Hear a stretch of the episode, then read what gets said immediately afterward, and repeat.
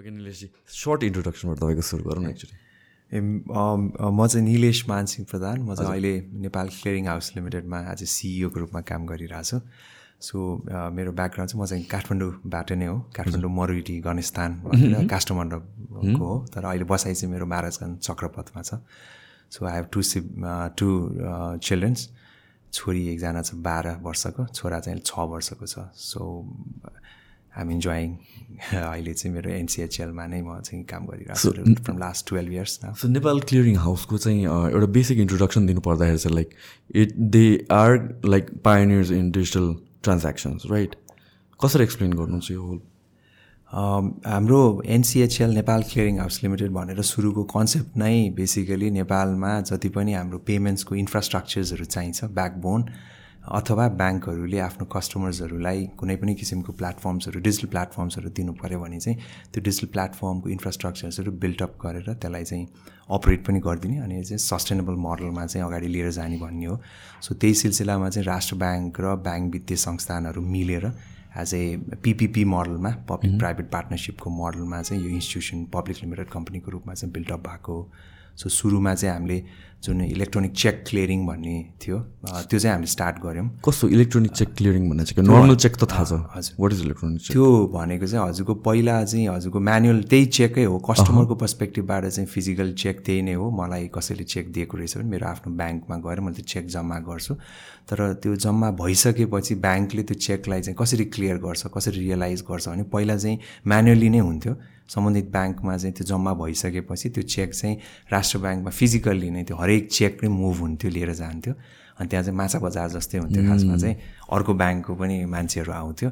अनि आफ्नो आफ्नो चेक लिएर गएर आफ्नो ब्याङ्कमा गएर चाहिँ त्यो बल्ल अनि क्लियरिङ सेटलमेन्ट यसलाई पैसा दिने नदिने भन्ने हुन्थ्यो। अनि पछि आएर अथवा भोलिपल्ट आएर चाहिँ तिम्रो चेक क्लियर भयो है भनेर डिटेल्सहरू दिन्थ्यो। अनि बल्ल कस्टमरले चाहिँ पैसा पाउने। अब त्यो काठमाडौँभित्र भयो भने आजको भोलि हुन्थ्यो पर्सि हुन्थ्यो। काठमाडौँभन्दा बाहिर भयो भने चाहिँ आउट स्टेसन चेक्स भनेर चाहिँ हप्ता फिजिकली नै आउनु फिजिकल्ली नै जानुपर्छ। दुई हप्ता तिन हप्ता लाग्ने केसेसहरू पनि हुनसक्थ्यो अब त्यसलाई चाहिँ अटोमेट गर्नलाई कस्टमरको पर्सपेक्टिभबाट चाहिँ केही पनि चेन्ज नभए पनि ब्याङ्ककोमा चेक जम्मा भइसकेपछि ब्याङ्कले चाहिँ फिजिकल्ली केही पनि गर्न नपर्ने त्यो चेकलाई चाहिँ हामीले डिजिटलमा कन्भर्ट गर्न लगाएर अनि हामीले इन्फ्रास्ट्रक्चर दियौँ ब्याङ्कलाई अनि डिजिटल्ली नै त्यो चेक्सहरू चाहिँ इमेजहरू डिटेल्सहरू अर्को ब्याङ्कमा मुभ हुने अनि त्यही इमेजको आधारमा चाहिँ सम्बन्धित ब्याङ्कले त्यो चेक चाहिँ रियलाइज गर्ने कि नगर्ने भनेर इन्फर्मेसन पनि आउँथ्यो आउँछ। अनि अनि कस्टमरलाई चाहिँ उसले सर्भिसिङ गर्छ। अब यसले गर्दाखेरि चाहिँ हजुरको अहिलेको दिनमा इलेक्ट्रोनिक चेक क्लियरिङको थ्रोबाट चाहिँ हाम्रो आज पेस हुन आएको चेक अथवा कस्टमरले प्रेजेन्ट गरेर जम्मा गरेको चेक चाहिँ आज नै क्लियर हुन्छ। अनि त्यसलाई स्पेसल सेसन्स जसमा चाहिँ दुई साढे दुई घन्टामा नै इलेक्ट्रोनिक चेक क्लियरिङको थ्रोबाट चाहिँ चेक्सहरू रियलाइज हुन्छ। सो दिस इज नेपालमा चाहिँ टी प्लस वान भन्छौँ हामीले डी प्लस जिरो भन्छौँ। आज पेस गरेको आजै क्लियर हुने। त्यस्तो T plus zero cheque clearing हुने चाहिँ संसारभरि नै लिमिटेड नम्बर अफ कन्ट्रिजहरूमा मात्रै छ। Nepal is one of them so यो भनेको त तपाईँको त किनभने Nepal clearing house two thousand एटमा establish भएको होइन? त्योभन्दा अगाडि चाहिँ it was like the traditional process नै दुई दिन लाग्ने तिन दिन लाग्ने। हजुर म्यानुअली नै हुन्थ्यो। इभन हामी टु थाउजन्ड एटमा चाहिँ इस्टाब्लिस भएको। हजुर। त्यो सिस्टम्सहरू अब इन्फ्रास्ट्रक्चर बिल्डअप गर्दाखेरि we went operational since two thousand and इलेभेनबाट चाहिँ लास्टतिरबाट चाहिँ हामी लाइभ भएको मतलब अपरेसनमा आएको। त्योभन्दा अगाडि इट वाज अल म्यानुअल काठमाडौँदेखि लिएर राष्ट्र ब्याङ्कको जहाँ जहाँ चाहिँ यो क्षेत्रीय अफिसहरू छ that use to be a central collecting point अनि सबै ब्याङ्क्सहरू चाहिँ त्यहाँ गएर त्यो चेक क्लियरिङहरू चाहिँ गर्नु पर्थ्यो पहिला चाहिँ। सो यो डिजिटली क्लियर गर्दाखेरि लाइक फर्जरीको एन्ड यो स्टफहरूको अलिकता इस्युजहरू आउँदैन? हामी चेकमा चाहिँ खासै आउँदैन तर त्यसको इम्प्याक्ट चाहिँ एकदमै एक्सेसिभली हाई छ। हरेक चिजको कस्ट बेनिफिट त हुन्छ नै होइन?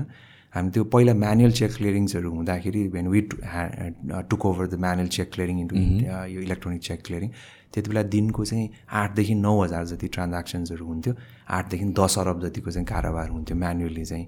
अब आजको दिनमा अथवा लास्ट फिजिकल इयरको मात्रै हामीले हेऱ्यौँ भने चाहिँ दिनको नै अहिले चाहिँ पैँतालिसदेखि पचास अरबको कारोबार हुन्छ। So that's around fifty five to sixty thousand ट्रान्ज्याक्सन्सहरू भइरह छ अहिले चाहिँ। त्यो इलेक्ट्रोनिकल्ली जाने बित्तिकै चाहिँ त्यो फास्टर रियलाइजेसन्सहरू हुने भयो। त चेकको एक्सेप्टेबिलिटी चाहिँ एक्सेसिभली बढेर पनि गयो त्यति बेला। अब हालाकि अहिले चाहिँ हामीले चेक भनेको पनि at the end of the day customer त फिजिकल नै लिएर जानु पऱ्यो त्यो चेक भने त पेपर बेस्ड भयो नि त। So we even though इसिसी electronic check cleaning हामीले नै प्रोभाइड गरेको भए पनि वे ट्राइङ टु अब डाइरेक्टली वर्डै क्यानिबलाइज त नभनौँ तर we are we trying to भनौँ न disincentivise use of paper based instrument cheque इन्सको सट्टामा चाहिँ फुल्ली डिजिटल गरौँ भनेर लगिरहेछौँ।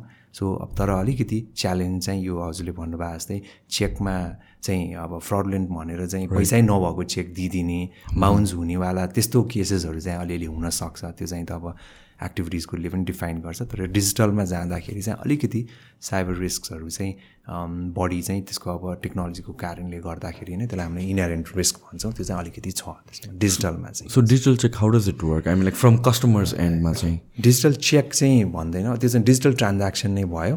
त्यो भनेको जस्ट लाइक हजुरको चाहिँ मोबाइल ब्याङ्किङ युज भयो is also a. Form of digital पेमेन्ट्सहरू भयो। Card is also digital payment अब क्युआर पनि डिजिटल पेमेन्ट भयो वालेट्सहरू पनि युज हुन्छ डिजिटल पेमेन्ट। अब एनसिएचएलले नै स्पेसिफिकली ब्याङ्कको कस्टमर्सहरूको लागि भनेर ब्याङ्कलाई दिएको प्रडक्ट्सहरू जस्तो कनेक्ट आइपिएस भन्ने एउटा प्रडक्ट छ कर्पोरेट पे भन्ने छ जो चाहिँ बिजनेस हाउसेसहरूले युज गर्छ। उहाँहरूले चाहिँ अब कसैलाई पेमेन्ट गर्नु पऱ्यो भने चाहिँ आजको दिनमा उहाँले चेक काट्नुहुन्न इन्डिभिजुअलले पनि बिजनेसेसले पनि। डिरेक्टली त्यो इलेक्ट्रोनिक प्लेटफर्मबाट जसरी अब तपाईँ हामी जस्तोले चाहिँ मोबाइल ब्याङ्किङ युज गरेको जस्तै बिजनेस हाउसेसहरू भयो भने चाहिँ उहाँहरूलाई पनि एउटा इलेक्ट्रोनिक प्लेटफर्म्सहरू दिइएको छ। त्यहाँबाट चाहिँ आफ्नो ब्याङ्कको खाता खर्च गरेर सिधै ट्रान्ज्याक्सन्सहरू चाहिँ पुस गरिदिन सक्नुहुन्छ। सो त्यसले गर्दाखेरि चेक लिन जाने चेक दिन जाने चेक क्लियरिङ गर्ने भन्ने नै भएन।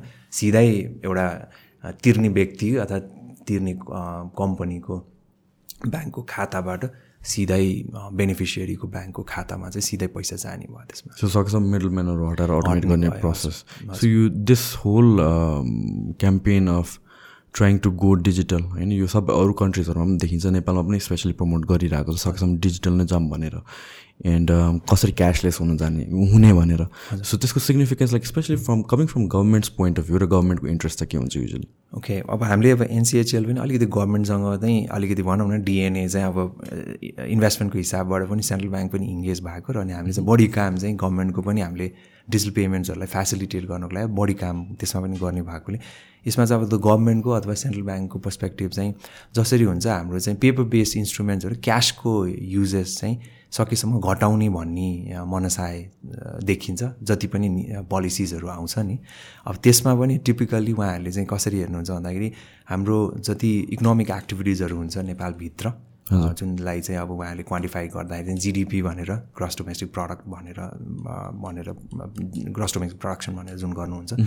त्यसमा चाहिँ क्यासको कन्ट्रिब्युसन कति छ? अब जति क्यासको कन्ट्रिब्युसन बढी भयो त्यो भनेको चाहिँ इकोनोमिकमा चाहिँ क्यासको डिपेन्डेन्सी बढी छ भन्ने हुन्छ नि त। सो त्यो डिपेन्डेन्सीलाई चाहिँ घटाउँदै लिएर जानको लागि चाहिँ क्यास टु जिडिपी रेसियो भनेको नेपालभित्र नेपाल राष्ट्र ब्याङ्कले जति क्यास चाहिँ सर्कुलेट गरेर राखेको छ त्यो आजको दिनमा करिब छ सय अरब जतिको छ त्यसको क्वान्टिटी चाहिँ घट्नु पऱ्यो भिजेभिज हाम्रो जिडिपीको साइजको हिसाबबाट थर्टी एट फोर्टी बिलियनको जति छ त्यो चाहिँ त्यो रेसियो चाहिँ घट्नु पऱ्यो भन्ने हो। त्यो भनेको नै इन्डिरेक्टली चाहिँ हाम्रो डिजिटल फर्म अफ ट्रान्ज्याक्सन्सहरू कसैले पनि व्यापार गर्छ ट्रेड गर्छ कसैले चाहिँ सानो सानो ट्रान्ज्याक्सन्सहरू पनि गर्छ भने सकेसम्म चाहिँ क्यास भन्दा डिजिटलबाट नै गर्नुपर्छ भन्ने जुन अन्डरलाइङ अब्जेक्टिभ छ त्यो मिट गर्नको लागि चाहिँ डिजिटल प्रमोसन चाहिँ one of the priority sector अथवा प्रायोरिटी अब्जेक्टिभ सबैको नै भइरहेको छ जस्तो लाग्छ मलाई चाहिँ। अब त्यसैमा चाहिँ काम भइरहेछ अहिले। सो मेन अर्को भनेको चाहिँ क्यासको क्यास फ्लोको ट्रान्सपेरेन्सी पनि हो। हजुर। होइन? सो यो केसमा यो कन्टेक्समा चाहिँ I mean like are people or businesses reluctant on going digital because like कति कुराहरू they don't want to so transparently and so does that become a challenge त्यो अफकोर्स त्यसमा हुन्छ नै तर त्यसमा दुइटा साइडबाट हामीले हेर्नु पऱ्यो there is one section of the business अथवा people who want to do digital because they want to so that अथवा चाहिँ they want to be transparent as far as possible cash handling त हाई रिस्क पनि हुन्छ नि त। त्यो पनि छ। अब जसले चाहिँ अलिकति ग्रे एरियामा काम गरिरहेको हुन्छ त्यो उसले त in any way digital cash जे गरे पनि उसले चाहिँ त अलिकति लुकाउन छुपाउन नै खोज्छ नि त। त्यस्तो केसमा चाहिँ उहाँहरू चाहिँ अलिकति बढी क्यासमा चाहिँ ढल्किएको जस्तो हुन नि सक्छ। तर बिस्तारै चाहिँ अब मार्केटको रिक्वायरमेन्ट अथवा मार्केटको डिमान्ड कस्टमरले नै अहिले चाहिँ मसँग क्यास छैन म मोबाइलबाट तिर्छु क्युआर तिर्छु भन्ने पनि कस्टमर छ। अथवा बिजनेस हाउसेसहरूले पनि म क्यास तिर्दिनँ म चेकैबाट तिर्छु म तपाईँलाई चाहिँ खातामा नै ट्रान्सफर गरिदिन्छु भन्ने त्यो माइन्ड सेट चाहिँ अहिले मार्केटमा चाहिँ एक्सेसिभली बढेर गएको भएको कारणले गर्दाखेरि मार्केटको रिक्वायरमेन्ट पनि डिजिटलतिर नै अलिकति इन्क्लाइन भएर गएको पनि छ। सो त्यसलाई चाहिँ अब क्याचअप गरेर त्यसकोमा चाहिँ हामी अगाडि जानुपर्ने छ त्यसमा। ओके सो मैले बुझेअनुसार चाहिँ नेपाल क्लियरिङ हाउसले चाहिँ सर्भिसेस प्रोभाइड गर्छ which act as a backbone for lot of these online services that other banks use हजुर हो। सो त्यो कतिको च्यालेन्जिङ भएर जान्छ? किनभने इट्स यो फाइनेन्सियली फाइनेन्सियल यत्रो ट्रान्ज्याक्सन्स एन्ड त्यो भल्युम्स ह्यान्डल गर्दाखेरि त there are risk and liabilities associated होइन? सो त्यसको रेस्पोन्सिबिलिटी कस्तो? एन्ड एन्ड देन अर्को भनेको चाहिँ साइबर सिक्युरिटीको थ्रेट होइन त्यो पनि कन्सर्निङ छ होला. सो यो दुइटा एस्पेक्टलाई कसरी ह्यान्डल गर्नुहुन्छ ओके हामीले अहिले एनसिएचएलले चाहिँ दिइरहेको सर्भिस भनेको हाम्रो प्राइमरी कस्टमर्सहरू भनेको चाहिँ ब्याङ्क फाइनेन्सियल इन्स्टिट्युसन्स अनि वालेट इन्स्टिट्युसन्सहरू अब रेगुलेटेडहरू जस्तो रेमिटेन्स इन्सुरेन्स कम्पनीजहरू भयो क्यापिटल मार्केटको नेप्से ब्रोकर्सहरू भयो अनि यो एसएसएफ सिआइटी अथवा हाम्रो कर्मचारी सञ्चय कोष त्यस्तो किसिमको इन्टिटिजहरू चाहिँ हाम्रो प्राइमरी कस्टमर्सहरू भयो। अनि उहाँहरूलाई हामीले जुन इन्फ्रास्ट्रक्चर्सहरू दिन्छौँ चाहे त्यो चेकको होस् inter bank payment system connect IPS अथवा अहिले आएर चाहिँ नयाँ टेक्नोलोजी भनेर ओपन एपिआईको कन्सेप्टहरू भन्छ त्यो इन्टरफेसेसहरू मात्रै हामीले सर्भिसको रूपमा इन्फ्रास्ट्रक्चरमा एक्सेस गर्नलाई दिने भन्छ। त्यस्तोहरू चाहिँ हामीले प्रोभाइड गर्छौँ। अब त्यो गर्दाखेरि चाहिँ इन्फ्रास्ट्रक्चर एकदमै ठुलो हुने र अनि त्यो चाहिँ त्यसमा ट्रान्ज्याक्सन पनि एकदमै हाई भ्यालुको ट्रान्ज्याक्सन्सहरू पनि आइरहेको हुन्छ। So as of today Nepal Rastra ब्याङ्कको क्यास ट्रान्ज्याक्सन जुन एटिएम र अनि आरटिजिएसको छुट्याउने हो रहेछ भने almost eighty eight eighty nine percent of total value of transactions process through our infrastructure आजको दिनमा। अनि त्यो गर्दाखेरि अब रिस्क अथवा चाहिँ अलिकति लाइबिलिटिजहरूको केसमा पनि आउन सक्छ। सो त्यो साइज अफ इन्फ्रास्ट्रक्चर त्यसको स्केलेबिलिटी रिलायबिलिटी र सिक्योरिटी चाहिँ त अप टु डेट नै हुनुपर्छ। Otherwise there is a mismatch in trust of infrastructure so यसले गर्दाखेरि त ओभरअल इकोनोमीमा सिस्टमिक रिस्क अब ठुलै रिस्क आउनसक्छ नि त। भएकोले त्यो इन्फ्रास्ट्रक्चरको साइज पनि ठुलो अनि इन्फ्रास्ट्रक्चरको त्यो सिक्योरिटीमा पनि हामीले इक्वल्ली नै त्यसमा चाहिँ ध्यान दिएर नै गर्नुपर्ने हुन्छ त्यसमा। So that's how we are doing it right now so यो अब रिस्कको पनि दुइटा एस्पेक्ट हुन्छ कि? एउटा भन्नु भनेको त अब तपाईँहरूको यो ओन प्लेटफर्ममै रिस्क छ कि? अरू लुपोल छ भन्ने कुरा। हो अर्को चाहिँ के हुन्छ भनेपछि क्लाइन्टकै या मान्छेहरूकै युजर्सकै केयरलेसनेस या भन्छ नबुझेको कारणले। स्पेसली ओल्डर जेनेरेसनको होइन? जस्तो कि मेरो ड्याडको पनि केसमा चाहिँ उहाँ चाहिँ हि इज मोर इन्टु होइन चेक अर क्यास ट्रान्जेक्सन गर्छु भनेर भन्नुहुन्छ। किनभने देयर लाइक भर्खर भर्खर एटिएम आएको बेलामा चाहिँ क्यास विथड्र गर्ने बेलामा क्यास आएन अनि त्यसपछि पछितिर चाहिँ क्यास आएछ। समथिङ लाइक द्याट अनि उहाँको अकाउन्टबाट खाता खाताबाट चाहिँ काटेछ। सुरु सुरुको बेलाको। सो त्यो एउटा इन्स्टेन्सले गरेर अब अहिले त मैले अब कपाल अफ डेज अगाडि चाहिँ उहाँलाई अब क्युआरहरू सिकाएँ बल्ल तल कन्भिन्स गरेँ। तर त्यो एउटा ब्याड इन्स्टेन्सको कारणले चाहिँ अब they are not as convince to you go digital right so यस्तो इस्युजहरू चाहिँ कसरी ट्याकल गर्नुहुन्छ? यस्तो यसमा चाहिँ दुइटा हजुरले भन्दा ठिक हो। एउटा चाहिँ इन्फ्रास्ट्रक्चरको नै सिक्योरिटी त्यसमा चाहिँ सेट स्ट्यान्डर्ड्सहरू हुन्छ। सेन्ट्रल ब्याङ्कले पनि तोकिदिएको हुन्छ। यस्तो नै हुनुपर्छ भनेर अथवा इन्टरनेसनल बेन्च मार्किङहरू पनि हुन्छ। यस्तो किसिमको इन्फ्रास्ट्रक्चर त कार्डको इन्फ्रास्ट्रक्चर भयो भने चाहिँ यो लेभलको सिक्योरिटी स्ट्यान्डर्ड्सहरू हुनुपर्छ है। सर्टिफिकेट्सहरू नै लिनुपर्छ सर्टिफाई गरेको हुनुपर्छ भनेर त्यस्तोहरू हुन्छ।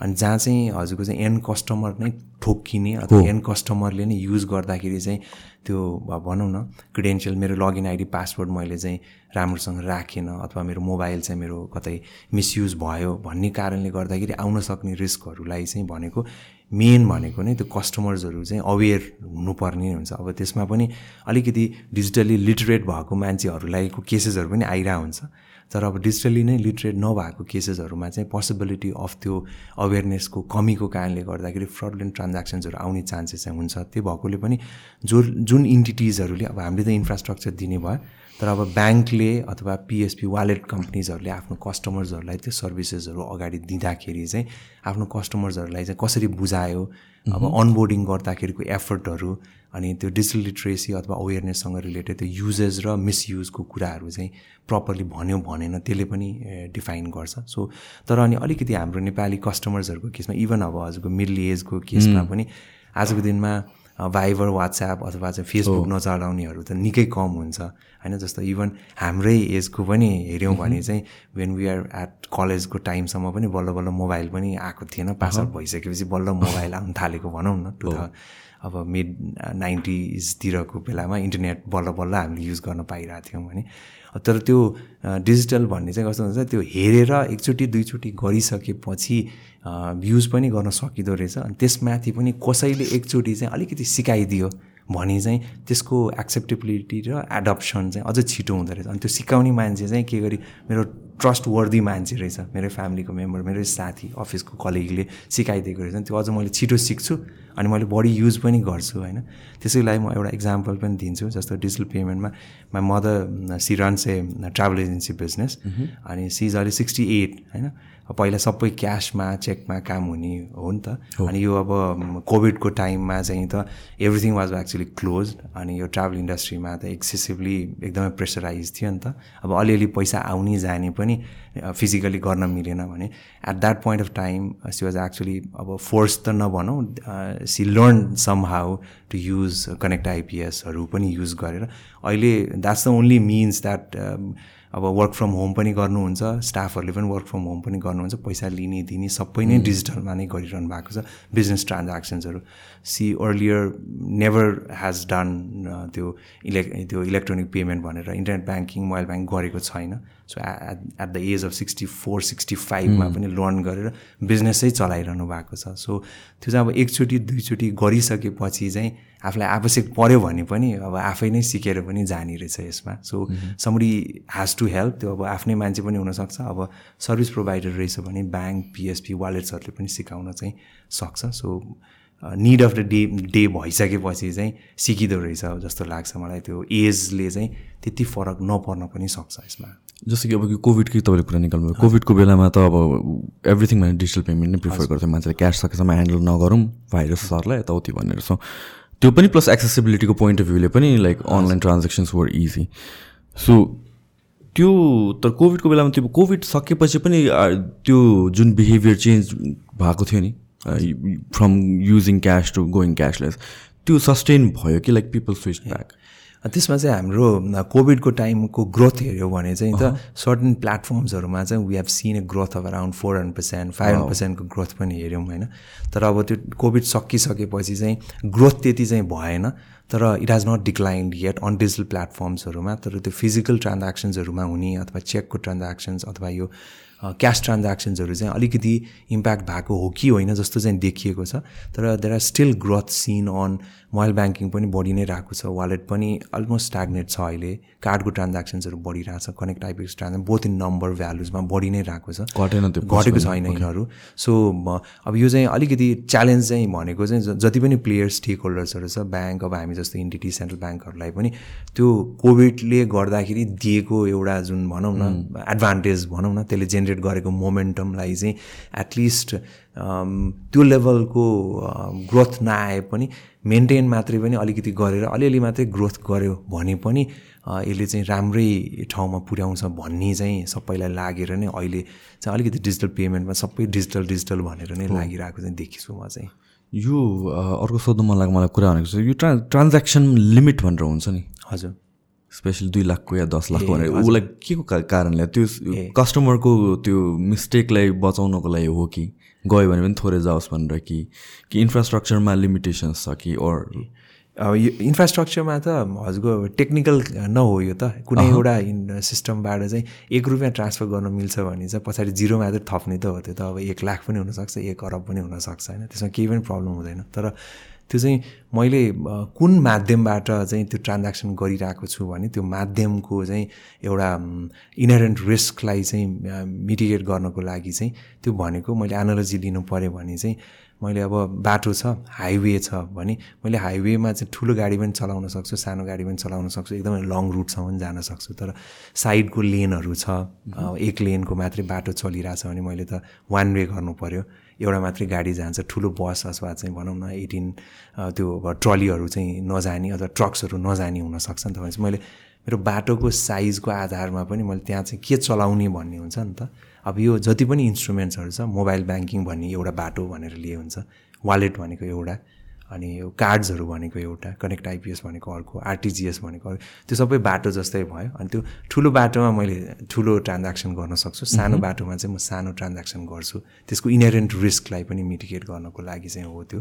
भएकोले त्यसमा लिमिट्सहरू चाहिँ अब रेगुलेटरले पनि तोकिदिएको हुन्छ त्यो इन्स्ट्रुमेन्टमा चाहिँ। अब because of all these risk रिस्कहरू भने चाहिँ अब कस्टमरको पर्सपेक्टिभबाट चाहिँ आजको दिनमा मैले चाहिँ वालेट युज गरिरहेको छु। वालेटमा चाहिँ सपोज पचास हजारसम्म अरबसम्मको ट्रान्ज्याक्सन लिमिट रहेछ भने चाहिँ टेक्निकली चाहिँ मैले त्यसमा एक अरबको पनि कारोबार गर्न चाहिँ सक्छु। तर म एज ए रिस्कको पर्सपेक्टिभबाट चाहिँ मलाई अब पचास हजारभन्दा माथिको एक लाखको कारोबार गर्नु पऱ्यो भने चाहिँ वालेटको सट्टा मैले मेरो ब्याङ्कको मोबाइल ब्याङ्किङ युज गर्छु। त्यहाँबाट मैले गर्न सकेँ। अब त्यहाँ दुई लाखको लिमिट छ भने त्योभन्दा माथि गयो भने चाहिँ मैले मोबाइल ब्याङ्किङबाट नै किन नभएको भन्दा पनि मसँग कार्ड दिएको छ मलाई ब्याङ्कले। मैले कार्डबाट ट्रान्ज्याक्सन गर्छु। त्यसरी चाहिँ त्यो हरेक इन्स्ट्रुमेन्टको चाहिँ युजेज र त्यो एट्रिब्युटको आधारमा चाहिँ त्यसको युजेसहरू डिफाइन हुन्छ त्यहीसँग चाहिँ लिमिट्सहरू एसोसिएटेड हुन्छ। सो अघि इनिसियली हामीले कुरा गर्दा तपाईँले चाहिँ तपाईँको सर्भिसेसहरूको बारेमा एक्सप्लेन गर्नुभयो त मलाई ठ्याक्क अरू टेन्सनमा लगिहाल्यो it was like electronic cheque भन्नु भन्नुभयो त्यो कनेक्ट कनेक्ट आइपिएस हामीले कभर गरिहाल्यौँ। हजुर। अरू चाहिँ के के छ प्रडक्ट हजुर ओके हाम्रो अहिले चाहिँ सातवटा प्रडक्ट्सहरू हामीले दिइरहेको छौँ एज एन लार्ज स्केल इन्फ्रास्ट्रक्चरको रूपमा। अल्दो ब्याङ्क्सहरूलाई हामीले अरू सर्भिसेसहरू पनि दिइरहेको छौँ मेन चाहिँ एउटा चेक क्लियरिङ भयो इलेक्ट्रोनिक चेक क्लियरिङ जुन चाहिँ फिजिकल इन्स्ट्रुमेन्ट जुन छ चेक डिभिडेन्ड वारेन्ट्सहरू म्यानेज चेक्सहरू प्रोसेसिङ गर्नको लागि क्लियरिङ गर्नको लागि गर्छौँ। अर्को चाहिँ हाम्रो इन्टर ब्याङ्क पेमेन्ट सिस्टम भनेर छ जुन चाहिँ कुनै पनि ब्याङ्कलाई अब भनौँ न अब हाम्रो कम्पनी छ उसले चाहिँ आफ्नो स्टाफको चाहिँ स्यालेरी डिस्पर्स गर्नु पऱ्यो अब पच्चिस गते भने। उसले चाहिँ लिस्ट निकालेर कुन स्टाफको कुन ब्याङ्कमा खाता छ मलाई पठाइदेऊ नि त भनेर इन्स्ट्रक्सन मैले मेरो ब्याङ्कलाई दिन्छु। अनि ब्याङ्कले चाहिँ हाम्रो त्यो inter bank payment system use गरेर मेरो खाता खर्च गरेर अब दसवटा ब्याङ्कमा चाहिँ हाम्रो स्टाफहरू सबै पठाइन्छ त्यसले चाहिँ इन्टर ब्याङ्क पेमेन्ट सिस्टम भन्छ। अनि that is the system that's being use for अहिले हजुरलाई कतिको याद होला क्यापिटल मार्केटमा डिभिडेन्ड्सहरू पे आउट हुन्छ। जस्तो कम्पनीको एजिएम सकिसकेपछि चाहिँ एक लाखवटा सेयर होल्डर्सलाई चाहिँ उसको डिभिडेन्ड चाहिँ पाँच पर्सेन्टको क्यास डिभिडेन्ड चाहिँ डिस्ट्रिब्युट गर्नु पऱ्यो भने त त्यो कि त चेक काट्नु पऱ्यो हरेक ब्याङ्कमा जान सकिँदैन भने त्यो डिभिडेन्ड डिस्ट्रिब्युट गर्ने कम्पनीले त्यो पुरा सेयर होल्डरको लिस्टहरू निकालेर आफ्नो ब्याङ्कलाई दिन्छ अथवा अटोमेटिकली पनि गर्न सक्छ। अनि त्यो चाहिँ हाम्रै सिस्टमबाट पठाएर त्यो एक लाखवटा कस्टमर्सहरूको सेयर होल्डरको खातामा चाहिँ सिधै पैसा एकैचोटिमा जान्छ। एजिएम भएको दिनमा साँझसम्म पैसा पठाउन पनि सकिन्छ। So that's an inter bank payment system normally meant for bulk नेचरको ट्रान्ज्याक्सन्सहरू प्रोसेसिङ गर्नको लागि गरिन्छ त्यो चाहिँ। अर्को चाहिँ हाम्रो यो कनेक्ट आइपिएस सिस्टम भनेर जुन चाहिँ ब्याङ्कको एन्ड कस्टमर्सहरूले यसको मोबाइल एप पनि छ। मोबाइल ब्याङ्किङ जस्तै किसिमको तर नट एक्ज्याक्टली मोबाइल ब्याङ्किङ तर पेमेन्ट्सको लागि चाहिँ मेरो आफ्नै यो कनेक्ट आइपिएसको छुट्टै भनेर हुन्छ। एपै छ अलग त्यो चाहिँ। अनि त्यो कनेक्ट आइपिएसमा चाहिँ मेरो अब सपोज तिनवटा ब्याङ्कको खाता रहेछ भने पनि तिनटै ब्याङ्कको एकाउन्ट चाहिँ मैले त्यही मेरो एपमा चाहिँ लिङ्क गरेर राख्न सक्छु। त्यसको वेब पनि छ कनेक्ट आइपिएस डट कम भनेर पनि युज गर्न सकिन्छ। अथवा त्यसको गेटवे पनि छ पेमेन्ट गेटवे पनि।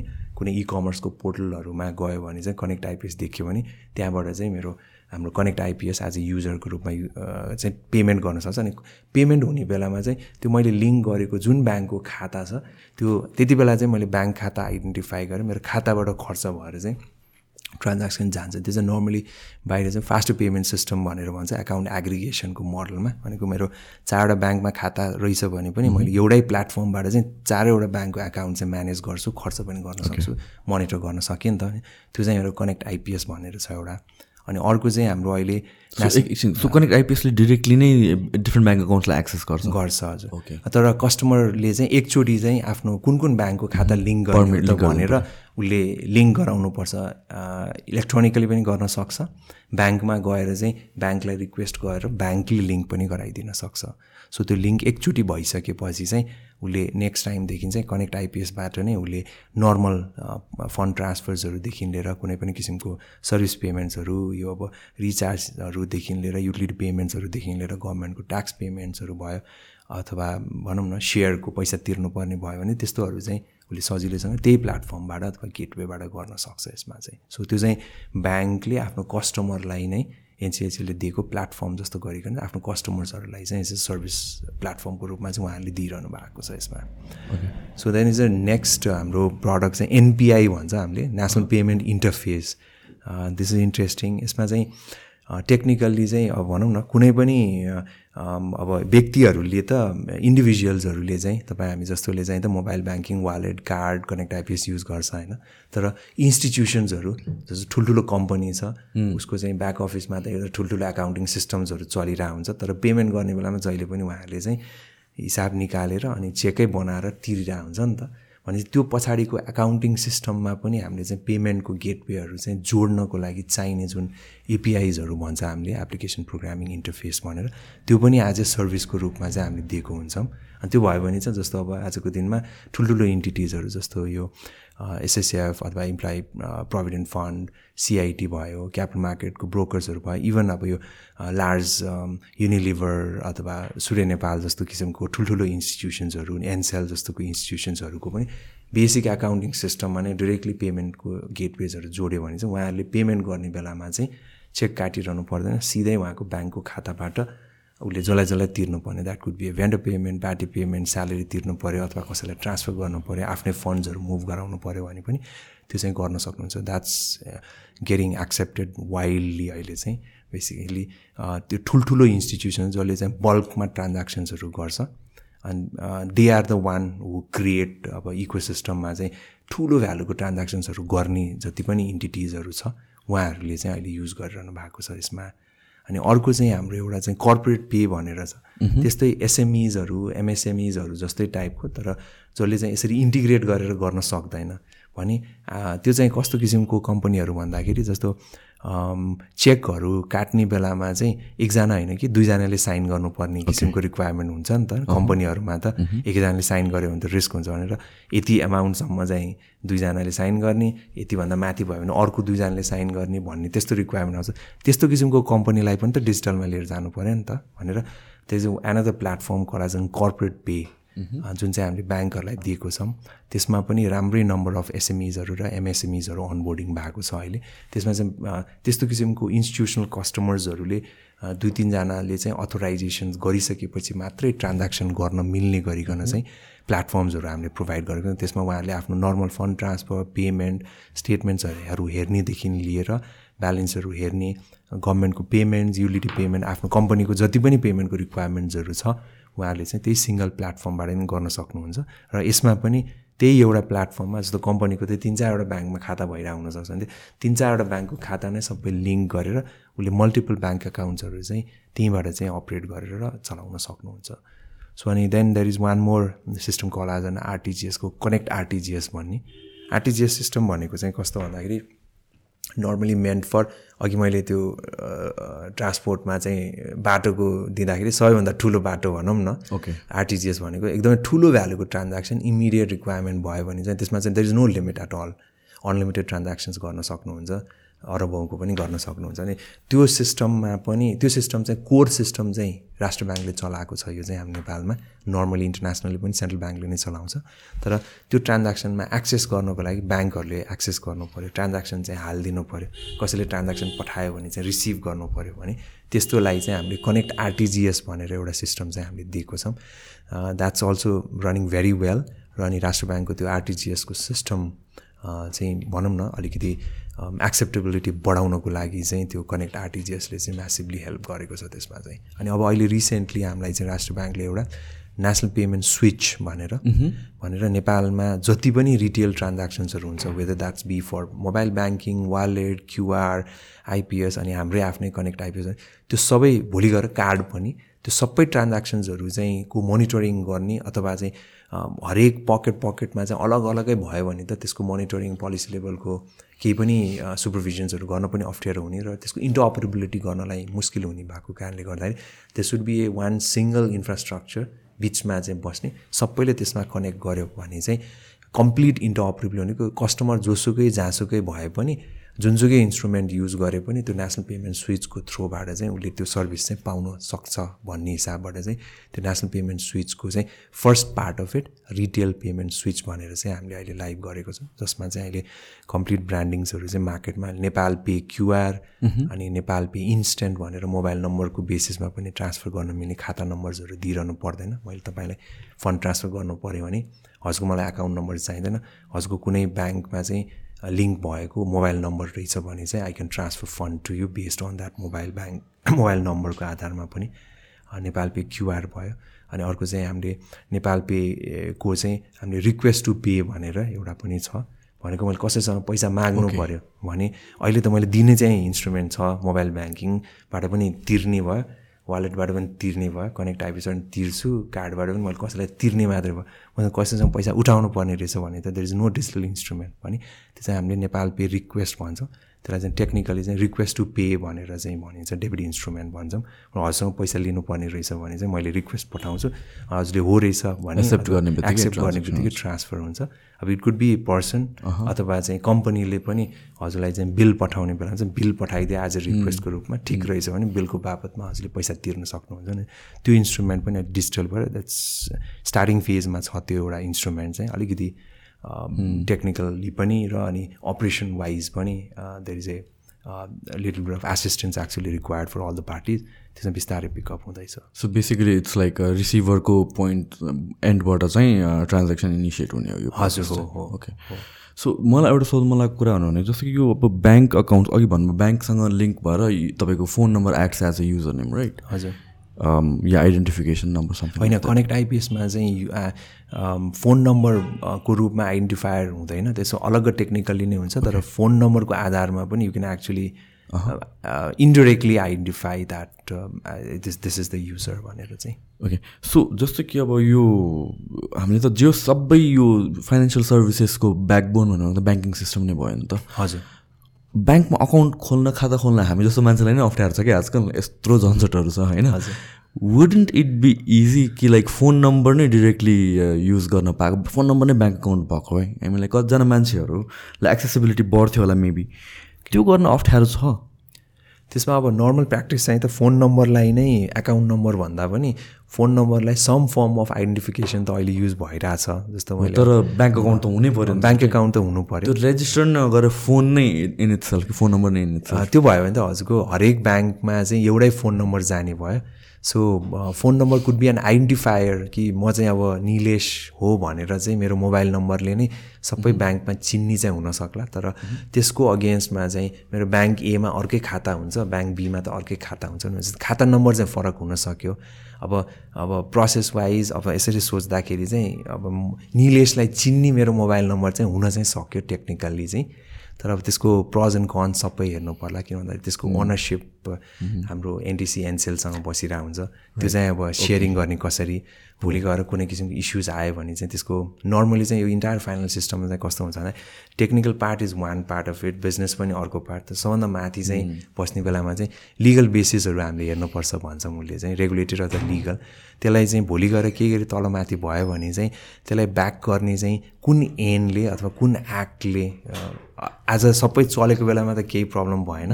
त इस्यु आयो भने चाहिँ त गएर त जानु पऱ्यो म अदालतमै जानु पऱ्यो भने चाहिँ मैले कुन लिगल इन्स्टिट्युसनलाई पनि ड्र्याग गराएर जस्तो हजुर अर्को कुन लिगल फ्रेमवर्कले चाहिँ त्यसलाई अब त्यसलाई चाहिँ लिगलाइज गर्छ त मोबाइल नम्बरलाई नै युज गर्ने भन्ने कुराले चाहिँ डिफाइन गर्छ which is not there right now so तर त्यसको सट्टामा चाहिँ अहिले अब हामीले त्यसको डिटेल अझ आउन बाँकी छ जस्तो लाग्छ पक्कै तर नेसनल आइडी भन्ने एउटा चिज बनिरहेको छ exactly which is a huge project one of the कि इन्फ्रास्ट्रक्चर हो त्यो हरेक इन्फ्रास्ट्रक्चर बिल्डअपको लागि चाहे त्यो लेट इट बी ब्याङ्किङ फाइनेन्सियल्सहरूको पेमेन्ट्सको अथवा अरू सर्भिस डेलिभरीहरूमा पनि आज त म निलेश हो भन्ने कुरा चाहिँ मैले आफूले आफूलाई प्रुभ गर्न इलेक्ट्रोनिकली गाह्रो भएको कारणले गर्दाखेरि कतिपय सर्भिसेसहरू मैले गभर्मेन्टबाट लिने अथवा प्राइभेट इन्टिटिजहरूबाट लिने सर्भिसेसहरूमा पनि I have to be physically present मैले आफ्नो अर्को कुनै सपोर्टिङ डकुमेन्ट्सहरू दिएर गर्नुपर्ने हुन्छ नि त। त्यो नेसनल आइडी भन्ने कुरा चाहिँ फुल्ली इम्प्लिमेन्ट भयो as it is actually intended for भनी चाहिँ अब यो मोबाइल नम्बरमा गर्ने कि एकाउन्ट नम्बरमा गर्ने भन्ने हुँदैन। एनआइडी विल बी द कि आइडेन्टिफायर अब हरेक व्यक्तिलाई चाहिँ यो नै मान्छे हो भनेर आइडेन्टिफाई गऱ्यो भने त उसलाई सर्भिस पनि डेलिभरी गर्न सकिन्छ पेमेन्टसँग पनि लिङ्क गर्न सकिन्छ नि त। भनेपछि त्यसमा चाहिँ धेरैजनाको चाहिँ अहिले होप चाहिँ अड्केर बसेको छ भनौँ न यो आइडेन्टिफिकेसन्सको केसमा चाहिँ। So when we talk about finance या भन्छ मनीको कुरा गर्दा इट्स हाई स्टेक गेम होइन एट सो यसमा मिस्टेक्सहरू भएको छैन? आई मिन लाइक तपाईँहरूको साइडमा किन भन्छ कतिवटा कुराहरू इम्प्लिमेन्ट गर्ने बेला हाउ डु मिक स्योर कि मिस्टेक नहोस् या मिस्टेक मिनिमाइज होस् भनेर? अब यसमा मिस्टेकै नहोस् भनेर हन्ड्रेड पर्सेन्ट नै एस्योर गरेर जाने भयो भने त त्यो त गर्दै नगऱ्यो भने मात्रै हुने हो त्यो चाहिँ होइन? गरेन भने मात्रै केही पनि इस्यु हुँदैन। त्यसको यसको कन्सिक्वेन्सेस चाहिँ इट्स ह्युज स्टेक छ। So the there two parts and one is at the time of the इम्प्लिमेन्टेसनको पार्टमा अनि अर्को चाहिँ मेरो अपरेसन्सको बेलामा। सो इम्प्लिमेन्टेसनको टाइममा पनि अब यो चाहिँ हाई स्टेक प्लस स्टेक होल्डर्सहरू पनि धेरैजना इङ्गेज हुन्छ अब एनसिएचएल जस्तो किसिमको ल्याउने सर्भिसेसहरूको केसमा त it actually impact the central bank entire banking industry अनि उहाँहरूको कस्टमर्सहरूलाई पनि डिरेक्टली इन्डाइरेक्टली लिङ्क हुने भएको कारणले गर्दाखेरि वेल प्लान नै हुनुपर्छ। त्यसको रिस्क एनालिसिसहरू चाहिँ सुरुदेखि नै गरेको नै हुनुपर्छ र अनि त्यो stake holder engagement is always important. अब त्यो स्टेक होल्डरलाई चाहिँ लास्टमा मात्रै गएर मेरो सबै सकिसकेपछि यो भयो है भनेर दियो भने चाहिँ त्यो ठिकै भयो भने पनि सानो एउटा मात्रै इस्यु आयो भने पनि द्याट गेट्स एस्केलेटेड। तर सुरुमा नै यो हामीले यसरी गर्न लागिरहेछौँ. This is the step this is where you need to get engage अनि यसमा चाहिँ पोसिबल चाहिँ रिस्क हामीलाई यो हुनसक्छ। हजुरले चाहिँ यो हेरिदिनुपर्छ है। भनेर पहिला नै टाइमली भनेर त्यो उसमा गयो भने चाहिँ इभन दो अलिकति उन्नाइस बिसको तलमाथि भयो भने पनि त्यो चाहिँ त्यो स्टेक होल्डर म्यानेजमेन्टको थ्रुबाटै पनि गरि गरेर जान सकिन्छ। अनि that's how we have been working otherwise अब यो साइज अफ इन्फ्रास्ट्रक्चरको हिसाबबाट चाहिँ ठुल्ठुलो प्रोजेक्ट भएको कारणले गर्दाखेरि the is very less scope of mistakes यसमा। अनि तर अनि मेन चाहिँ अब इम्प्लिमेन्टेसन गर्ने भन्दा पनि अपरेसन्समा गइसकेपछि चाहिँ सिस्टम्सहरूले साथ दिए पनि अब ट्रान्ज्याक्सन चाहिँ कसैको चाहिँ अब भनौँ न अब कस्टमरको नै कारणले गर्दाखेरि पनि फ्रडलेन्ट ट्रान्ज्याक्सन भयो भने त्यसमा every one will basically dragged अब मेरो पैसा चाहिँ अनधिकृत रूपमा चाहिँ यो तानिदियो कसैले भनेर कम्प्लेन मात्रै गरिदियो भने पनि we have to get engage उसको दुइटै ब्याङ्क जहाँबाट पैसा गएको छ ऊ पनि इङ्गेज हुनु पऱ्यो। जहाँ पैसा आएको छ त्यहाँ पनि इङ्गेज हुनु पऱ्यो। कस्टमर इङ्गेज हुन्छ। अब कतिपय केसमा चाहिँ हाम्रो इन्भेस्टिगेटिङ एजेन्सिजहरू पनि आइसकेको हुन्छ भने चाहिँ त्यसमा चाहिँ त्यो उसको चाहिँ अब के के डिटेल्सहरू हामीले प्रोभाइड गर्ने नगर्ने र अनि त्यसलाई चाहिँ हामीले एमिकेबल्ली चाहिँ त्यो रिजोल्युसन त्यो कस्टमरलाई चाहिँ सर्ट आउट कसरी गर्ने भन्ने चाहिँ अलिकति प्रोसेस र अनि एप्रोच चाहिँ अलिकति पोजिटिभली लिएर जानुपर्ने चाहिँ देखिन्छ अब यसमा फाइनेन्सियली पनि भएको कारणले गर्दा and that's how we work so यो इन्टरनेसनल पेमेन्ट्सहरूको कुरा गर्दाखेरि I mean like we do have certain गेटवेहरू बाहिरको गेटवेहरू छ। हाम्रो नेसनल पोइन्ट अफ भ्यूबाट पनि लोकल गेटवे हुन जरुरी छ कि छैन कि इज द ट्रान्ज्याक्सन सोलो किनभने लिमिटेसन्स छ नि त अहिले त। पाँच सय डलर पर इयर भनेर त खोलाएको छ अहिले रिसेन्टली नै। But I assume that still insignificant नै अमाउन्ट होला। सो नेपालको नेपालको पर्सपेक्टिभबाट पनि मिन कति कुराहरू I I feel like if already solution छ भने त्यसको फेरि डबल ट्रिपल सल्युसन गरेर राख्नु पर्दैन फेरि। तर यो इन्टरनेसनल पेमेन्ट गेटवेको पर्सपेक्टिभबाट चाहिँ do we need something locally यसमा इन्टरनेसनल भन्ने बित्तिकै टु वे हुन्छ। एउटा चाहिँ बाहिरबाट यहाँ भित्र आउने पैसा एउटा भयो हजुर। अनि भित्रबाट बाहिर जाने। बाहिरबाट भित्र आउनेको केसमा त रेगुलेटरी पर्सपेक्टिभबाट पनि अनलेस अब त्यो इलिगल अथवा केवाइसीहरूसँग एमएलसिएफटीसँग रिलेटेड अथवा इलिगल पैसा आएकोमा बाहेक लेजिमिनेट पैसा चाहिँ नेपालभित्र छिर्छ भने त देयर इज नो इस्युज जस्तो लाग्छ। मोस्ट अफ द ब्याङ्क्स अब ओपन आर्म्सले नै उहाँहरूले चाहिँ एक्सेप्ट गर्नुहुन्छ। अनि हाम्रो इन्डिभिजुअल कस्टमर्सहरू जो ने भनेको इन्डिभिजुअल पब्लिक्सहरू नेपाल नेपालीहरू जुन बाहिर गएर बसिरहेको छ उहाँले चाहिँ कमाएको पैसा भित्र लिएर आउनु पर्ने रहेछ भने there are set of banks plus remittance companies as well who facilitate this बाहिरबाट भित्र त मजाले आइरहेछ। अनि भित्र आइसकेपछि पनि त्यो सम्बन्धित बेनिफिसियरीको ब्याङ्कमा खातामा अथवा चाहिँ वालेटहरूमा पुऱ्याउनको लागि चाहिँ अब हाम्रो जस्तो इन्फ्रास्ट्रक्चर युज गरेर पुस गरेर उहाँहरूले पुऱ्याइदिइरहनु भएको छ। The only limitation that's right now is बाहिर नेपालबाट बाहिर पठाउनु। पऱ्यो भने त्यो चाहिँ त अब अलिकति हाम्रो भनौँ न हामी त डलर चाहिँ त्यो भनेको त बेसिकली नेपालभित्र सञ्चितमा बसेको चाहिँ रिजर्भ डलर रिजर्भ हुन्छ त्यो रिजर्भलाई मैले बाहिर खर्च गर्ने जस्तै त हो नि। भनेको मेरो खल्तीमा जति पैसा छ त्योभन्दा मैले बढी मेरो ब्याङ्कमा चाहिँ डिजिटल्ली ब्यालेन्स भए पनि फिजिकल क्यास चाहिँ मसँग खल्तीमा कम छ रहेछ भने त मैले त्यति मात्रै नै बाहिर पठाउन पाउँछु। द्याट्स अलमोस्ट सिमिलर एनालोजी भनौँ न। नेपालभित्र राष्ट्र ब्याङ्कमा बसेको टोटल डलर सर्टन लिमिट छ।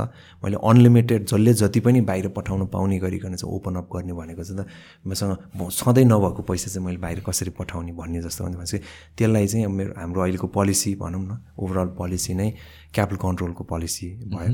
नेपाल इन्डियामा एउटा किसिमको छ। बाहिर चाहिँ डलर चाहिँ यत्तिकै पठाउनु पाउँदैन भन्ने छ। अहिले चाहिँ बाहिर ट्राभलै गर्नुपर्ने भयो भने पनि एकचोटिमा पन्ध्र सय डलर अनि वर्षको दुईचोटि मात्रै युज गर्न पाउने। त्यो पनि मैले क्यास बल्ल बल्ल पाउँछु। कार्डमा चाहिँ राखिदिनु हुन्छ सो त्यो मात्रै युज गरेर जानु पाउँछु नि त। अनलेस अब मैले चाहिँ बाहिरबाट कमाएर डलर पनि कमाइरहेको छु अनि मैले त्यही डलरमा बरु खर्च गर्छु भन्यो भने चाहिँ धेरै चाहिँ अलिकति हायर सिलिङ्सहरू छ। सो भएकोले त्यो भनेको चाहिँ हाम्रोसँग चाहिँ सोर्स अफ डलर चाहिँ नेपालको देशको नै कम भएको कारणले गर्दाखेरि अब एलोकेट गरे जस्तै भयो। यति मात्रै यो यो इन्टिटीले इन्डिभिजुअलले यति मात्रै खर्च गर बिजनेसले यति मात्रै खर्च गर भनेर अलिकति क्यापिटल कन्ट्रोलको पोलिसी भएको कारणले गर्दाखेरि चाहिँ हाम्रो बाहिर चाहिँ जानीमा त्यो नीतिगत रूपमा पोलिसी लेभलमा नै कन्ट्रोल भयो। अनि दोस्रो भनेको चाहिँ अब इलेक्ट्रोनिकल्ली पनि हामीले बाहिर पे गर्दाखेरि देयर आर फ्यु गेटवेजहरू भनौँ न यहाँ चलिरहेको अब भिजा मास्टर कार्ड्सहरूको उहाँहरूको चाहिँ कार्डको गेटवेजहरू त यहाँ पनि छ नि त। चाहिँ त्यसको थ्रुबाट अब हामीलाई दिएको त्यो जुन पाँच सय डलरको कार्डको बेसिसमा मैले बाहिर युज त गर्न सक्छु बाहिर तर अब त्यसमा लिमिटै कम भएको कारणले गर्दाखेरि कतिपय केसेसहरूमा नपुग्ने चाहिँ हुनसक्छ तर केही गरी इन्डिभिजुअलले चाहिँ त्यो डलर इन्कम गरि पनि रहेको रहेछ भने चाहिँ त्यसमा टपअप गर्ने मेकानिजम्सहरू चाहिँ ब्याङ्कहरूले दिएको छ जस्तो लाग्छ।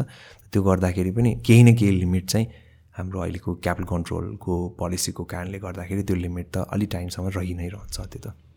सो डिजिटल ट्रान्जेक्सनको कुरा गर्दा डिजिटल करेन्सीको पनि कुरा आउँछ होइन? We talk about crypto currency भनौँ अब बिटकोइनहरूको कुराहरू आउँछ नेपालमा लिगल छैन।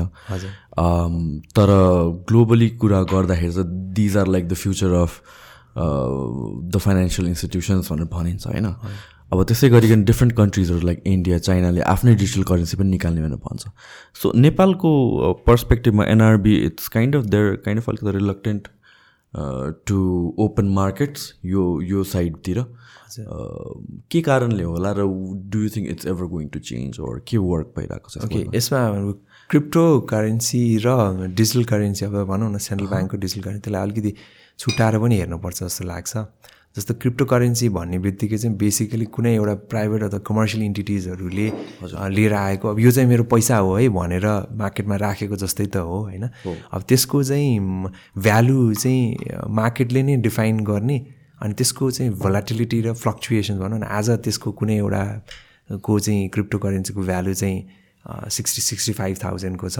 अनि all of a sudden in next two days it goes down to thirty thousand अनि अहिले आएर चाहिँ फिफ्टिन थाउजन्डको हुन्छ। भने त्यस्तो फिफ्टिन थाउजन्ड टु सिक्सटी थाउजन्डमा फ्लक्चुएट हुने कुनै पनि इन्स्ट्रुमेन्ट चाहिँ द्याट क्यानट बी ए भनौँ न कन्ट्रीको चाहिँ त्यो करेन्सी चाहिँ हुन सक्दैन। करेन्सीको डेफिनेसनमा नै त्यो भोलाटिलिटी र फ्लक्चुएसन्सहरू चाहिँ त्यसरी माथि तल हुनेलाई चाहिँ करेन्सी भन्न सकिँदैन भनेर नै भनिन्छ होइन?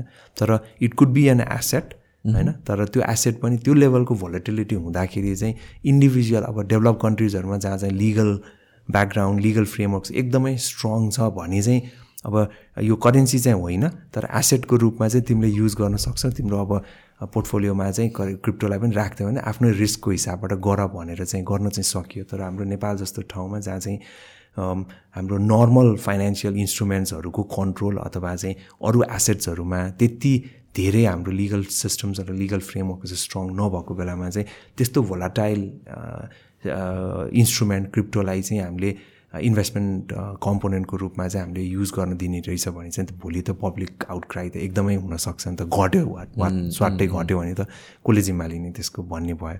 तर ह्याभिङ सेट द्याट अब बाहिर चाहिँ त्यही क्रिप्टोलाई नै करेन्सीको रूपमा पनि युज गर्ने कि भनेर चाहिँ कसै कसैले चाहिँ ट्राई पनि गर्न खोजिरहेछ पनि त्यही गर्न खोजेको थियो। हजुर एउटा कि दुइटामा चाहिँ त क्रिप्टो करेन्सीलाई नै लिएर जाने मेन करेन्सी नै त्यही बनाउने कुरा तर मोस्ट अफ द सेन्ट्रल ब्याङ्कहरूले चाहिँ त्यो कमर्सियल क्रिप्टो करेन्सिजहरू चाहिँ गर्नु हुँदैन भन्ने नै एक किसिमको माइन्ड सेट छ। तर त्यो क क्रिप्टो करेन्सीको जुन जति पनि बेनिफिट्सहरू छ टेक्नोलोजीको बेनिफिट होला अथवा क्रिप्टो करेन्सी पर से नै अब त्यसलाई चाहिँ बरु हामीले जुन सेन्ट्रल ब्याङ्कले चाहिँ क्यास चाहिँ प्रिन्ट गरेर फिजिकल करेन्सी जुन सर्कुलेट गर्छ त्यसको सट्टामा चाहिँ सेन्ट्रल ब्याङ्क आफैले नै डिजिटल करेन्सी फ्लोट गर्यो भने चाहिँ त्यसलाई चाहिँ नर्मली अहिले चाहिँ सेन्ट्रल ब्याङ्क डिजिटल करेन्सी भनेर भनिन्छ।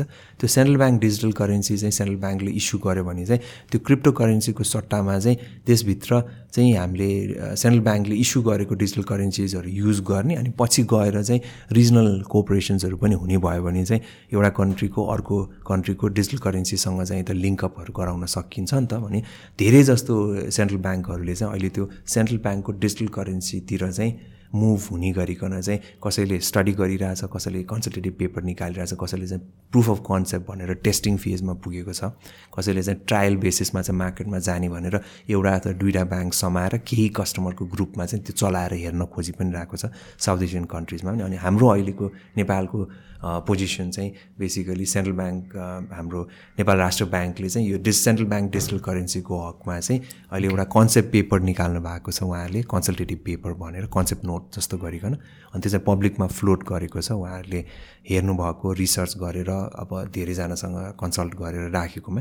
अब त्यसमा चाहिँ उहाँले पब्लिकबाट इन्डिभिजुअल सबैले चाहिँ त्यसमा चाहिँ फिडब्याक्सहरू इनपुट्सहरू चाहिँ राष्ट्र ब्याङ्कले मागेको छ। So once that is in place they will take a most probably अब त्यसको बेसिसमा चाहिँ हाम्रो नेपालको सन्दर्भमा चाहिँ कुन चाहिँ कसरी जाँदा हुन्छ भनेर उहाँले केही न केही चाहिँ डिसिसन गर्नु होला तर यसमा अब क्रिप्टो करेन्सीको कारणले गर्दाखेरि चाहिँ धेरै जस्तो सेन्ट्रल ब्याङ्कलाई पनि प्रेसर परेर नै सेन्ट्रल ब्याङ्क डिजिटल करेन्सिजहरूमा चाहिँ काम गर्न थालिएको जस्तो पनि देखिन्छ अहिले चाहिँ। सो तर सेन्ट्रल ब्याङ्कको डिजिटल करेन्सी बनाउँदा doesn't that beat the whole purpose of having crypto currency किन भन्दा त्यो त फेरि सेन्ट्रली कन्ट्रोल नै भएर गयो it depends how that is going to be implemented जस्तो देयर आर फ्यु कन्ट्रिज जहाँ चाहिँ सेन्ट्रली नै गर्नेवाला पनि छ। म सेन्ट्रली नै कन्ट्रोल गर्छु सेन्ट्रली नै डिजिटल करेन्सी बनाएर गरेर चाहिँ सेन्ट्रल कन्ट्रोल पनि हुनसक्छ।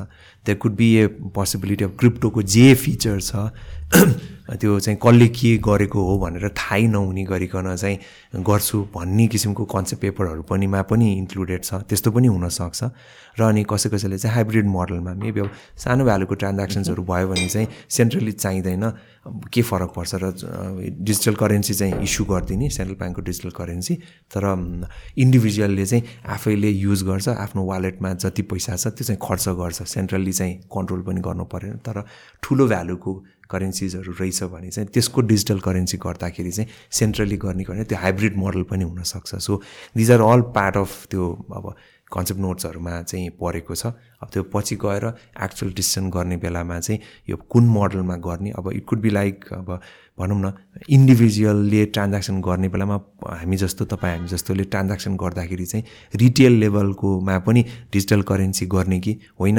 अहिले रिटेललाई चाहिँ नगर्ने होलसेल भनेर चाहिँ ब्याङ्क ब्याङ्क बिचको जुन ट्रान्ज्याक्सन हुन्छ नि त्यो ब्याङ्क ब्याङ्क बिचको मात्रै हामीले चाहिँ डिजिटल करेन्सी सेन्ट्रल ब्याङ्क गर्ने कि भन्ने पनि हुनसक्छ। So that different options that are available and are being explored so नेपालको मात्र कन्टेक्स्ट नहेरेर ग्लोबली नै हेर्दाखेरि तपाईँले क्रिप्टो करेन्सिजहरूलाई कसरी हेर्नुहुन्छ? किनभने चाहिँ there is this debate specially अस्ति एउटा one of the exchange like collapse भयो एफटिएक्स भन्ने होइन? सो त्यसपछि द निड फर रेगुलेसन्सको कुराहरू आउनु थाल्यो। जुन चाहिँ crypto community use to frown upon होइन? किनभने this needs to be decentralize regulations हुनु हुँदैन भनेर नाउ रेगुलेसन्स हुनुपर्छ भनेर पनि देखियो। Right so overall how do you see this working out in the future not just Nepal मात्र ग्लोबल यसमा त अब क्रिप्टो मात्रै होइन। ओभरअल यो जस्तो टेक्नोलोजी सेक्टरमा आउने जुन जति पनि नयाँ फिनटेक मात्रै नभएको ओभरअल इनोभेसनमा भनेको नै बेसिकली कुनै न कुनै नयाँ कन्सेप्ट्सहरू आएर इनोभेसन्सहरू मार्केटमा जान्छ। अनि अलिअलि एक्सेप्टेबिलिटी भइसकेपछि they will never be a law in place at the beginning होइन। त्यो नयाँ इनोभेसन्सहरू आउँदाखेरि मार्केटले एक लेभलको ड्राइभ गर्छ। अनि मार्केटले एडप्सनै गरेन कसैले लिँदै रुचाउँदै रुचाएन भने चाहिँ it die out and it'll go away त्यसमा केही पनि चाहिएन। तर मार्केटले चाहिँ त्यसलाई अलिकति एक्सेप्ट गर्दै लिएर गइसकेपछि चाहिँ धेरैजना पब्लिक चाहिँ इङ्गेज भयो। धेरै पैसा त्यसमा इङ्गेज भयो। धेरैजना स्टेक होल्डर्सहरू चाहिँ इङ्गेज हुँदै गइसकेपछि चाहिँ there will be a requirement of law अनि त्यसपछि बल्ल त्योसँगको सँगसँगैको चाहिँ फ्रेमवर्क्सहरू लिगल फ्रेमवर्क चाहिँ बन्दै जाने हो। चाहे त्यो हाम्रै नेपालमा पनि अब वालेटसँग रिलेटेड होला। ल नै थिएन वालेट भने एनसिएचएल स्ट्याब्लिस गर्दा there is no separate payment settlement act we started working on it but yes of course central ब्याङ्कबाट चाहिँ एप्रुभल्सहरू लिएर स्पेसल एप्रुभल्सहरू लिएरको चाहिँ हामीले काम गर्यौँ। लिगल सिस्टम्सहरू पेमेन्ट सेटलमेन्ट एक्टहरू चाहिँ पछि बन्दै गएको छ।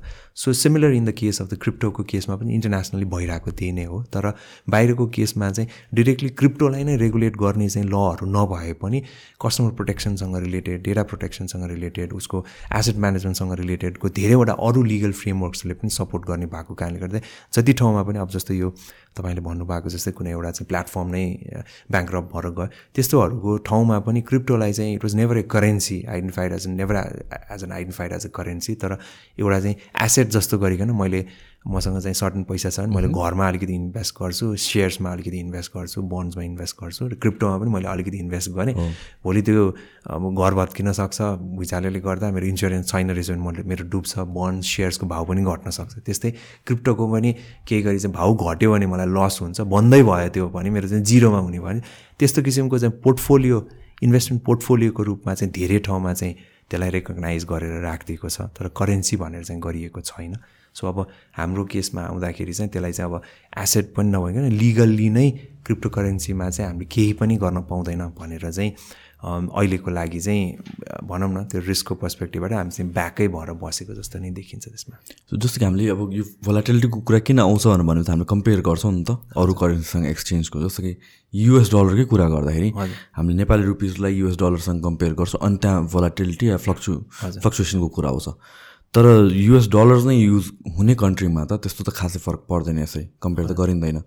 सो त्यस्तै गरिकन लाइक क्रिप्टोको पनि कुरा गर्दाखेरि त हामीले we compare it to USD or हाम्रो एनआरएससँग राइट तर could it be possible that mean of transaction नै मोन मेन मिडियम नै त्यही क्रिप्टो नै हुनु त्यो भनेको चाहिँ अब आइडल केसमा चाहिँ हजुरको संसारभरि नै एउटैमा भयो भने डलरै युज गरे जस्तै भयो अथवा संसारभरि नै मैले क्रिप्टो मात्रै युज हुने भयो भने चाहिँ त्यसको भोलिटिलिटी भनेको त्यसको कुनै पनि सेन्सै राख्दैन। खालि त्यसको इन्फ्लेसनले मात्रै भनौँ न आजको दिनमा चाहिँ मेरो एउटा क्रिप्टोले सर्टेन केही सामान आउँथ्यो भने भोलि गएर चाहिँ दुइटा क्रिप्टोले मात्रै त्यो सामान आउने भने त्यो पनि कम्पेयर जस्तै नै हो नि त भोलिटिलिटी जस्तै हो।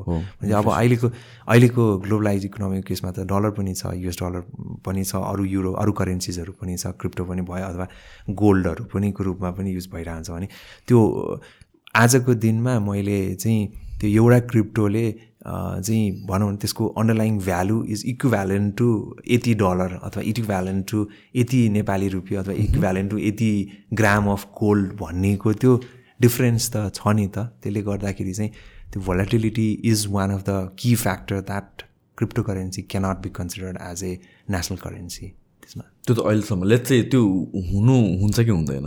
त्यो करेन्सी हुनुहुन्छ कि हुँदैन? त्यो चाहिँ अब करेन्सी भन्ने बित्तिकै एउटा चाहिँ त बेसिकली एउटा चाहिँ भोलाटिलिटीको कुरा भयो अनि दोस्रो भनेको चाहिँ नर्मली करेन्सी भनेको नै कुनै पनि राष्ट्रको चाहिँ उसको फाइनेन्सियल अथवा इकोनोमी चलाउनको लागि चाहिँ प्राइमरी इन्स्ट्रुमेन्ट जस्तै नै हो भनौँ न करेन्सी भनेको चाहिँ त। त्यो चाहिँ आफ्नो देशमा नै नभएको करेन्सी मैले थर्ड पार्टीको चाहिँ चलाउँदाखेरि चाहिँ त्यसको भनौँ न कन्ट्रोल त खासै रहँदैन नि त। मैले अब कुनै पनि किसिमको चाहिँ मेरो करेन्सी सर्कुलेट गर्नु पऱ्यो करेन्सी प्रोडक्सन्स अथवा करेन्सीको सर्कुलेसन चाहिँ घटाउनु पऱ्यो भने त्यो कन्ट्रोल चाहिँ रहँदैन नि त। मैले थर्ड अर्को कुनै एउटा इन्स्ट्रुमेन्ट अथवा अर्को कन्ट्रीको चाहिँ हामीले यहाँ युज गर्दाखेरि त्यही पनि अब अहिले चाहिँ त हाम्रो करेन्सी पनि इन्डियन करेन्सीसँग पेक्ड भएको कारणले गर्दाखेरि कति लिमिटेसन्सहरू त अहिले पनि त्यो इकोनोमिक एक्टिभिटिजहरूमा त छ नि त। भनेपछि त्यो चाहिँ त स्ट्रेट फरवर्ड नै मैले नेपाली करेन्सीको सट्टामा चाहिँ कुनै देशको मैले करेन्सी हाम्रै करेन्सी हो भनेर चलाउँछु भने जस्तै त हो। क्रिप्टो चलाउने क्रिप्टो नै म यहाँ युज गर्छु भन्ने त। सो त्यसको चाहिँ एडभान्टेज भन्दा चाहिँ अलिकति डिसएडभान्टेज चाहिँ बढी हुनसक्छ। तर क्रिप्टोको अन्डरलाइङ टेक्नोलोजी त्यसको बेनिफिट्सहरूलाई लिएर चाहिँ अर्काले बनाएको क्रिप्टोको सट्टामा चाहिँ नेपालभित्र नै सेन्ट्रल ब्याङ्कले नै रेगुलेटेड अथवा चाहिँ गभर्मेन्टले नै ब्याक गरेको डिजिटल करेन्सीलाई चाहिँ लिएर गयो भने चाहिँ त्यसको टेक्नोलोजीको बेनिफिट पनि लिन पाइयो अनि त्यो करेन्सीको कोर फिचर्स पनि त्यसमा आउँछ अनि थर्ड चाहिँ रिस्कको पर्सपेक्टिभबाट पनि केही तलमाथि भयो भने चाहिँ त्यो करेन्सीको जिम्मा चाहिँ हाम्रो सेन्ट्रल ब्याङ्कले अथवा गभर्मेन्टले लिन्छ भन्ने चाहिँ भएकोले। Central bank digital currency could be one of the alternative to rather than using a crypto currency जस्तो कि अब कतिजनाको के भनाइ छ अन दिस इज लाइक अब हुन त रिस्क कन् रिस्क मिटिगेट गर्नको लागि सेन्ट्रल ब्याङ्कले अलाउ नगरे होला होइन? Because it fluctuates very very much अन्त एउटा कुरा अर्को भन्नु भनेको चाहिँ अब वी डोन्ट नो त्यो एसेट भोलि हुन्छ कि हुँदैन भने हजुर। There are individuals who are you कि लाइक हुन्छ नि अब मेरो पैसा हो मैले त इन्भेस्ट गर्नु पाउनुपर्छ लस खायो भने मैले खान्छु भनेर। सो त्यसको पछाडि चाहिँ लजिक किन छ ए त्यस्तो हुनसक्छ। त्यो चाहिँ अब अलिकति यसरी पनि हेर्नु पऱ्यो मलाई कुन चाहिँ ठाउँमा बसिरहेको छु भन्यो भने जस्तो मेरो पैसा हो अथवा मैले चाहिँ यहाँ मैले जे पनि गर्न पाउँछु भन्ने अथवा चाहिँ मेरो लाइफ हो म जे पनि गर्छु भनेर त्यो त गर्न पाइएन। एउटा चाहिँ सोसाइटीभित्र बसिसकेपछि सोसियल नर्म्सहरू होला अनि त्योभन्दा अलिक बाहिर आइसकेपछि कन्ट्रीको नै लहरू अरू लिगल सिस्टम्सहरूले पनि गभर्न गरेको हुन्छ नि त। भएकोले अब त्यही कुरा चाहिँ नेपालमा चाहिँ गर्न नपाइने। बाहिर गर्न पाइने कुराहरू पनि छ। बाहिर गर्न नपाइने नेपालमा गर्न पाइने कुराहरू पनि छ नि त भनेपछि मलाई त्यो मेरो आफ्नै पैसा मैले जे पनि गर्न पाउँछु भन्ने चाहिँ अलिकति सही नहुनु पनि सक्छ। एउटा दोस्रो चाहिँ ल गरियो सपोज होइन? गरे पनि भोलि गएर अब हाम्रो यहाँको सिचुएसन हामीले त्यसलाई क्रिप्टो मात्र नहेरौँ। अझ इभन इन्भेस्टमेन्टको साइडमा पनि अलिक टाइम एन्ड अगेन हामीले चाहिँ यो न्युजहरूमा हेरिरहेको हुन्छौँ। जस्तो स्टक मार्केटमा चाहिँ इन्भेस्टहरू गरिरहेको हुन्छ। अल अफ अ सडन अब स्टक मार्केटको चाहिँ इन्डेक्सहरू घट्दै गयो। सेयर प्राइसहरू घट्दै गइसकेपछि चाहिँ पैसा त इन्डिभिजुअली इन्भेस्ट गरेको कसैलाई सोधेर गरेको हुँदैन। घटिसकेपछि के भन्छ? यसै नेपाल सरकारले चाहिँ स्टक मार्केटको रेट चाहिँ घटाएर चाहिँ त्यसलाई चाहिँ रोक्न लगाउनु पऱ्यो बढाउन लगाउनु पऱ्यो भने हरेक इन्टिटिजमा गइरहेको हुन्छ। द्याट्स बेसिकली अवेरनेस अफ इन्भेस्टमेन्टमा चाहिँ लस पनि हुन्छ भन्ने त्यो कन्सेप्ट चाहिँ हामीले चाहिँ अब थाहा भए पनि एक्सेप्ट गर्ने चाहिँ अलिकति जेनरल पब्लिकमा सबै मात्र नभनौँ जेनरल पब्लिकमा चाहिँ त्यो लस पनि हुन्छ भन्ने एक्सेप्टेड एकदमै प्लेन मेरो स्टक मार्केटमा गर्ने इन्भेस्टमेन्टमै त इस्युजहरू क्रिएट भइरहेको हुन्छ त्यसैमा धर्ना बसिरहेको कसलाई ब्लेम गर्ने भन्ने कसलाई ब्लेम गर्ने भनेर धर्ना बसिरहेको हुन्छ भने मैले क्रिप्टो करेन्सी जस्तो जुन चाहिँ नेपालमा नै नभएको विदेशमा बसेको इन्भेस्टमेन्ट इन्स्ट्रुमेन्ट त्यसको भोलाटिलिटी एक्सट्रिमली हाई छ भनेर थाहा हुँदा हुँदै पनि मैले जेनरल पब्लिकलाई चाहिँ तिम्रै पैसा हो जेसुकै गर भनेर छोडिदिने भनेको चाहिँ त गभर्मेन्टको पब्लिकको तर्फको हाम्रो जस्तो पब्लिकको तर्फको चाहिँ एउटा रेस्पोन्सिबिलिटी पनि छोडिदिएको पनि हुनसक्छ. So will have to be little bit careful अब क्रिप्टोमा भन्दा पनि we should be focusing more on what technology that is build on crypto त्यो टेक्नोलोजी चाहिँ हामीले अरू ठाउँमा कहाँ कहाँ युज गर्न सक्छौँ? जुन ब्लक चेन छ त्यो ब्लक चेन चाहिँ हामीले कहाँ कहाँ युज गर्न सक्छौँ? That is a huge possibility for Nepal त्यसको रिसोर्सेसहरू पनि कम छ.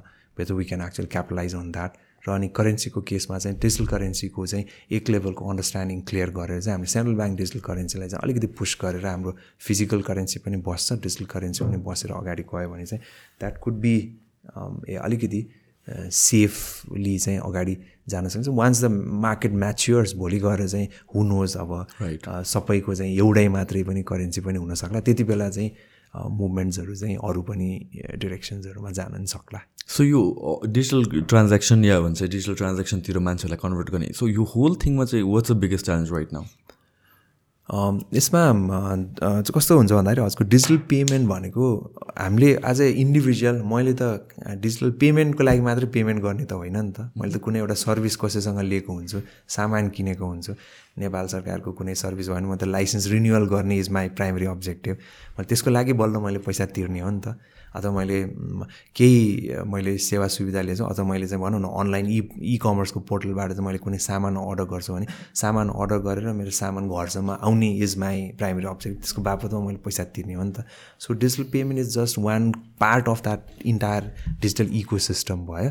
अनि अब अहिलेको केसमा भनेको चाहिँ बेसिकल्ली मैले कुनै पनि ठाउँमा चाहिँ डिजिटल्ली चाहिँ पे गर्न पाउने मेरो सर्भिसेसहरू चाहिँ डिजिटल्ली नहुँदाखेरिको जुन त्यो धेरै ठाउँमा चाहिँ त्यो चाहिँ basically one of the major hindrance of the acceptability र एडप्सनमा हो जस्तो लाग्छ। जस्तो इक्जाम्पललाई मैले लाइसेन्स रिन्युअल गर्नु पऱ्यो भने डिजिटल्ली मैले पे गर्न सक्छु मैले I have to go there लाइनमै बसेर फिजिकली नै गएर सबै गर्नुपर्छ। फिजिकली गयो भने अलिकति सजिलो पनि हुन्छ होइन? अब जस्तै नेपाल सरकारको अरू ट्रान्ज्याक्सन्सहरू पनि भयो। अथवा मैले इ कमर्सको पोर्टल्सहरूबाट पनि मैले सामान लिएँ। सामान ठिकै आयो राम्रै आयो भने त ठिकै भयो तर त्यसमा सामानमा चाहिँ मैले मागे मगाएको भन्दा फरक आयो ड्यामेज आयो भने how do I refund that मलाई अब कति दिनमा आउँछ दुई दिनमा आउँछ चार दिनमा आउँछ अथवा पन्ध्र दिनमा आउँछ there is no legal system अथवा any any framework that actually backing it up गर्न त गरिरहेको छ।